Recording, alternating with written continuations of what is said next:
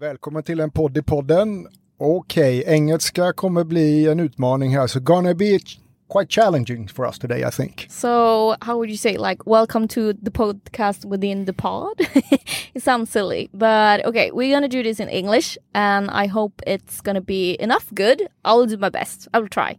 Yeah, so will we have this episode in English for our all our international listeners? Today we will have a touchdown in AI we received a suggestion for a follow up episode that was more based on how AI can affect our industry and to be an IT consultant. Exactly. For example, we have heard from our employees how some people use ChatGPT to comment on the code they write. That is a concrete area of use here and now. Uh, and in our previous episode number six, our friends at DataDAO explained the technical aspects of ChatGPT. Uh, and to be able to discuss this further, we have invited a real star and a specialist within this field. Therefore, we have here today the Associate Professor of Informatics from University of Gothenburg, Mr. Aleksandre Asatiani. His research area is automation using AI. He's interested in how processes performed by humans can be effectively entrusted to machines without losing the subtle but important human elements.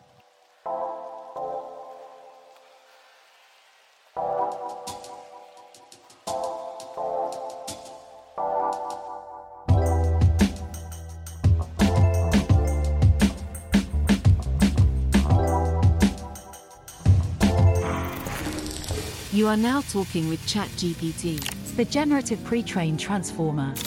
Hello, Aleksandre.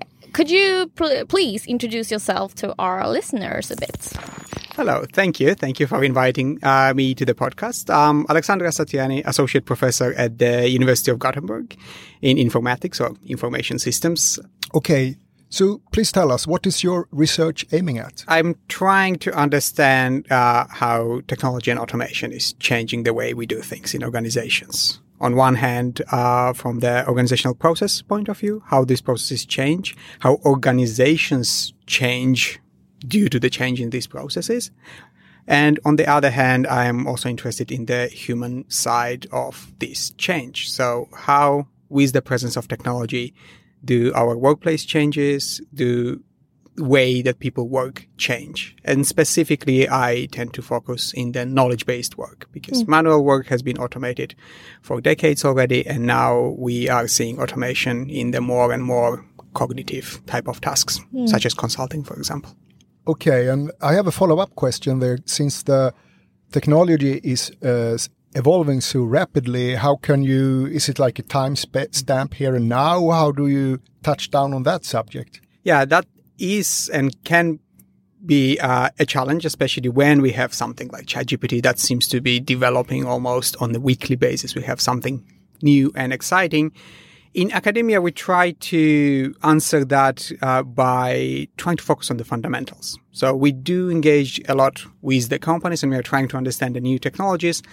But I tend to step back and ask, okay, what is this really about at the end of the day? Okay, mm. if it is about change of the workplace where people are engaged in the knowledge based automation, okay, let's assume that certain things will be automated to what they do today. It might not be possible with this technology now, but we could kind of foresee that it will be in the future. For example, ChatGPT maybe cannot code everything today, if we are mm. asking yeah. you to do coding.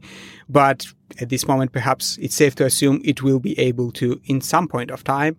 So then I would ask myself a question. Okay, but what would that mean for a person to sort of delegate a lot of their job to the machine? Uh-huh. Once we pose the question this way, then we could actually go back and look at the examples when similar things have happened before. Yeah. When somebody's job got automated because before the AI, it happened a lot and a lot and a lot.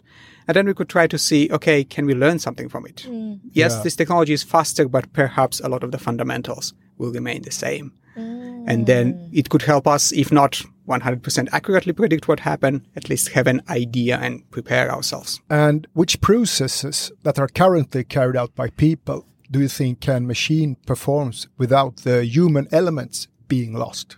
Uh, I think classic answer to that is to try to look at the processes that uh, add least value. So all of the routine processes that we need to usually do in order to get to these valuable processes, uh, those are the candidates for the automation, I think, first and foremost. Uh, I studied uh, in the past quite a lot of uh, accounting industry and automation within that industry. And there, which is a very sort of organized and structured ways of work. Accountants are yeah. very precise. Uh, there are a lot of tasks that were very early on automatable, and those were the so-called boring tasks. Uh, so that kind of leaves them the space for them to kind of do more value-added things. So I think this principle applies everywhere, and even with something like ChatGPT or other generative AI tools, it might seem that uh, it's taking over everything. In fact, we could also see here the the thing that we have more possibilities, but in the end of the day, uh, what it is good at is at automating quite a lot of low value tasks. Even in coding, very often it's type of coding that developers perhaps in advance know how to do, but it will take them a lot of time to actually get it done. Now they have a tool that can actually mm-hmm. give them a lot of models, a lot of kind of pre-written code that can shorten this time of doing boring things, and then instead they can focus on more value added things that require human touch.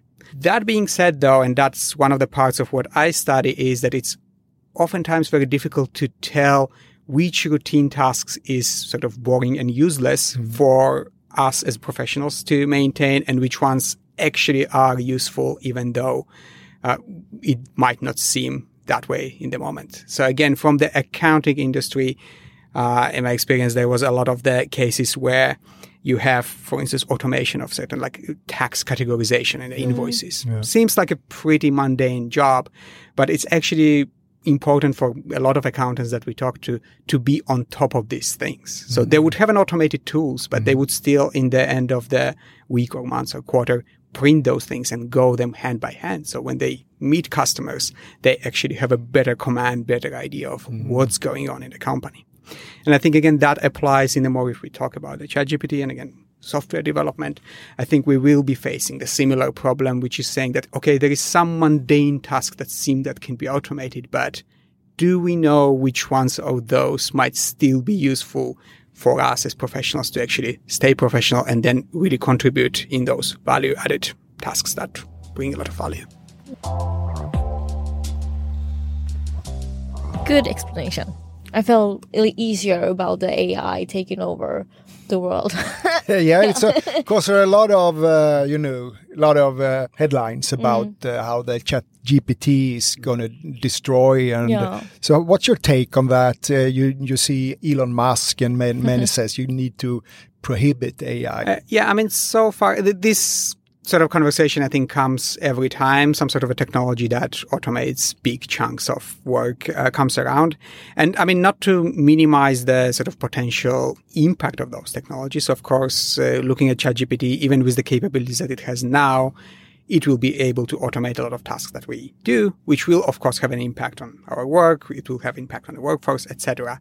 But in the end of the day, so far, I don't really see the apocalyptic scenarios of artificial general intelligence being, you know, anywhere, you know, around the corner that would completely replace humans. I think ChatGPT will be a huge step up, but uh, it will be, I think, so far still fairly manageable. Uh, or rather than it's not going to be easy, but the problems that we should be focusing now perhaps is not about how AI is going to mm. take over us mm. or like bring in uh, dystopia, but more actually solving, solving those immediate problems of, okay, which tasks should we automate? Mm-hmm. Where should we maintain this kind of a human touch in this? And how do we actually structure as a company, for example, if we are looking five years or 10 years forward, mm. how should we think about like what kind of staffing we will need, what kind of skills we will need, exactly. what kind of training we will need yeah. for people to that leads productive. us into the next question, almost like what are the biggest challenge mm. to have within the organization to overcome with AI? Yeah, so because now uh, a lot of people are excited about AI, and I have been discussing it with like a different bigger companies uh, around in the Gothenburg area who are very excited about mm-hmm. AI and do envision uh, speeding up, for example, development cycles and testing cycles because you could produce a lot more code, you can automate testing, uh, so that they could switch into more uh, sort of a highly, uh, again, more value-added tasks, more kind of a bigger picture uh, stuff. Uh, but then the challenges still actually remain. I mean, one is, of course, there are still technological challenges of figuring out how this thing works, which I think with time we will get more comfortable that once we develop the practice. There are legal uh, questions there with, with the intellectual property, both leakage and also introducing of the intellectual property that doesn't belong to us through those tools, which could happen with, with things like uh, Copilot, etc. Uh, but I think big change, and like this is more closer to my heart, perhaps. Uh, the biggest challenge is also this kind of organizational and cultural transformation within the company. So if we have a development organization that has, say, tens or hundreds of developers, and we coming to them and telling them, you have this really nice tool Yeah. that you could use, but we need to figure out actually a new practice to use this. And figuring this out and getting everybody on board is quite difficult. Again, from my conversations, I mean, one of the things that seems quite mundane but could be problematic uh, that people have been mentioning is that, well, a lot of developers have pride in their code. Yeah. If this goes away with ChatGPT, which might be stupid, of course, it should go away if it's a easy kind of coding that you could do, Yeah.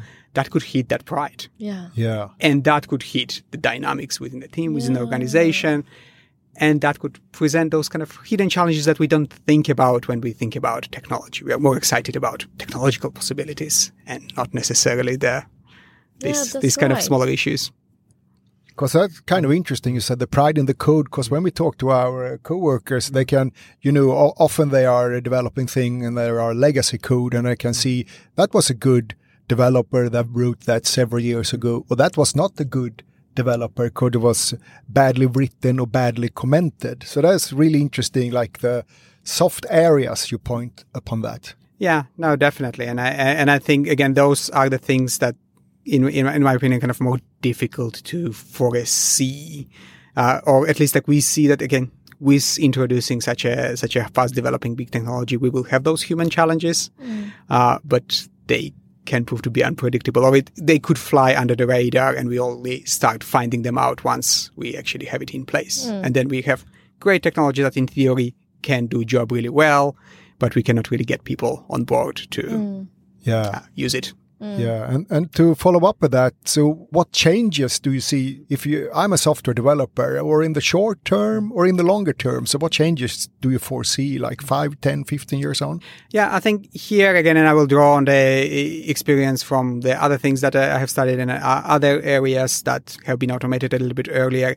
I think we will see the similar change of um, moving the focus of the profession or a job description from a lot of uh, this sort of a from craft, which is like being able to really well do, for instance, coding. You really know how to do what are the best practices. You're really good at doing it quickly. Mm. To more of a, it being uh, a, a- an expert area or an yeah, almost an art, perhaps, if we are doing the mm. craft thing, which is like, uh, it will be a lot more important, I think, for the developer to be the person who can see the big picture really well, who is able to translate the, the problems into these solutions that can be solved with the code, even if they don't do the actual coding, uh, and being valuable in this sort of advisory expert role. And again, this similar thing has been happening with things like accounting, where accountants now have more time to have this expert advice, actually sitting down with the clients and trying to see this is how you should do your things, uh, not from the technical perspective, but from more business and strategic perspective. If you look upon it from the accounting, were there less accountants or the same amount of accountants that increased in the value chain, so to speak, or how if you compare to the software developers? Yeah. When introducing those technologies and we move to this more expert based profession, uh, certain people benefit more than the others. Of course, more senior you are and more person who actually already has this broad outlook has, uh, you stand to benefit more and probably your job is not going to be endangered. But then we are starting about the, well, what about the junior roles in this profession? Yeah. Because that's, I think, where the biggest change would be happening. And I think that's true for the accountants also. We, of course, still need people who do mundane work, but we need a lot less of them. And I think that same thing might happen with software development. Uh, and then the question is, how do we get from this low level to the high level where we Yeah. can be experts? Yeah, because I was uh, thinking about that for maybe a junior. They usually come in and do the easy task to like learn or sit in a team. For the junior, then like how how they're gonna like introduce into the the market within the field if AI do the the easy task or we should call it. Yeah, uh, and I think that's again from looking at the different older examples of this. I think like that's especially a problem in the early days of the technology when we have not figured it out yet, and when we are in this gray zone, which can take years actually to, or even a decade, to get out of this. But if we look at the more of an industrial actually automation, uh, this very manual one uh, of introducing robots into the uh, manufacturing. Uh, we used to have a culture in the very older days where if you're working in, with this machinery, you might be have a really good knowledge of how machinery works itself. So if it mm. breaks down, somebody on the line can take a wrench and fix it. Mm. Mm. Uh, but then as the machinery got a lot more advanced, the skill sort of disappeared. So, and again, a lot of this kind of rudimentary knowledge of like what's going on under the hood became sort of useless because the mm. machines have become so reliable that don't need, you don't need to know it. So going back to the software developers, perhaps we could have a future where actually knowing a lot of these under the hood things becomes a lot less important. So we enter the different abstraction level. Mm. And then that would also reflect in the training of software developers. So mm. when they go and study, for example, in Chalmers on this computer science degree, they're not going to study the, a lot of the lower level coding, but they actually will study being this bigger thinker, kind of knowing, understanding business problems, for instance.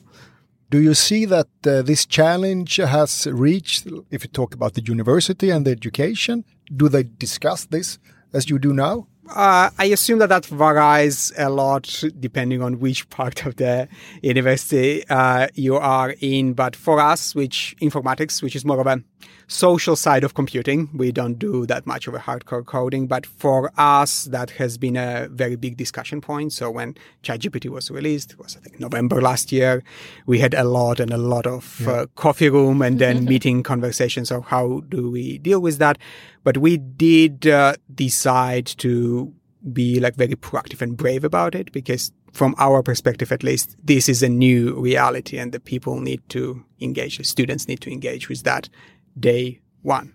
Might be a little bit chaotic at the moment because we don't know what we're doing uh, but i think this exposure and and using this as and we have been using it as a learning support as a support to actually um, do their projects etc it has been very useful. And i think have had some conversations with people in computer science, and I think they're starting to see it also the same way, where rather than being afraid of this tool, perhaps we can lean in and demand students that they should be able to do more impressive things as their assignments because now they have a support of these tools, but actually tell them to use those tools rather than being afraid of them and saying that no, no, no, no, no, you need to Yeah. learn some old wisdom. Hmm.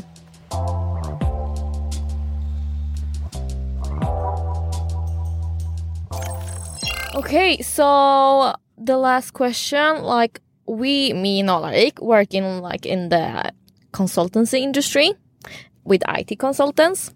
Uh, do you see in any changes within this industry, or like how actually would it affect an IT consultant?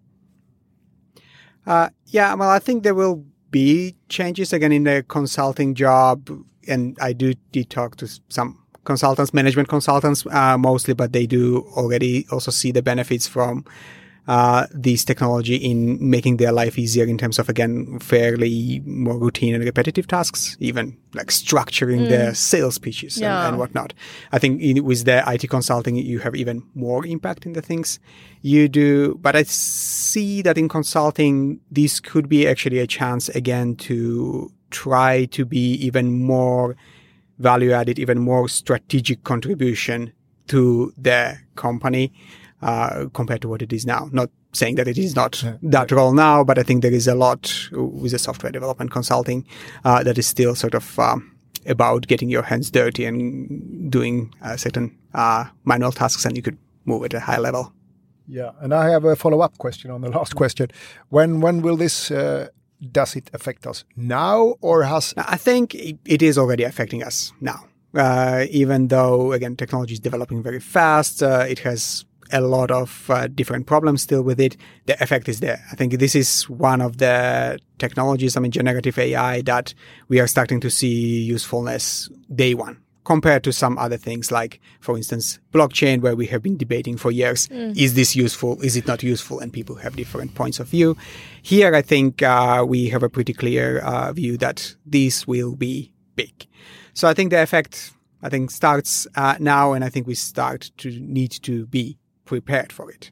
Even though we might not know exactly where the ceiling for this current technological development is, I think we need to start looking how do we again restructure our work, how do we become more um, strategic about it, uh, how do we uh, reshuffle sort of our job descriptions or our idea of what we do based on the means uh, of technology that we have.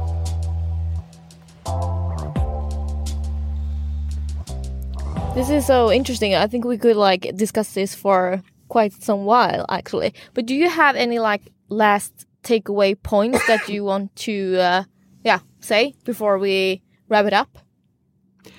Uh, yeah, not uh, much perhaps specific uh, anymore further than that, but just my message general as a researcher and what I like. I would like companies, I think, to engage uh, more with, again, is to try to look uh, at these technologies a little bit beyond the hype. Uh, there is a lot of exciting things. It feels like you're constantly behind uh, no matter how fast you are running, uh, just because things are happening around it. But try to step back and look at it more strategically, look at it in the long term. Okay, if we are assuming that these certain changes are happening, for instance, in the certain task automation, okay, what will it mean to us? Not today what we can hack together to automate particular things, but no, let's assume longer term, let's assume bigger scale and start working towards that kind of develop the vision and uh, take it in some ways slow, but more purposeful movement rather than trying to chase the hype. That is good. Good uh, takeaway note. Thank you for uh, participating in our little podcast here, and thank you for taking your time to do it. Uh, and I hope our listeners are going to be happy with this. Um, yeah, Yeah, I think it was uh, super interesting to hearing your uh, thoughts about uh, this interesting technology field. And for our listeners, uh, please challenge challenge us now and submit your su- suggestions for other topics to npod at qodes.se. yeah, that's all for today. Yeah, thank you very much. Yeah, thank you. It was a pleasure. Thank, you. Bye.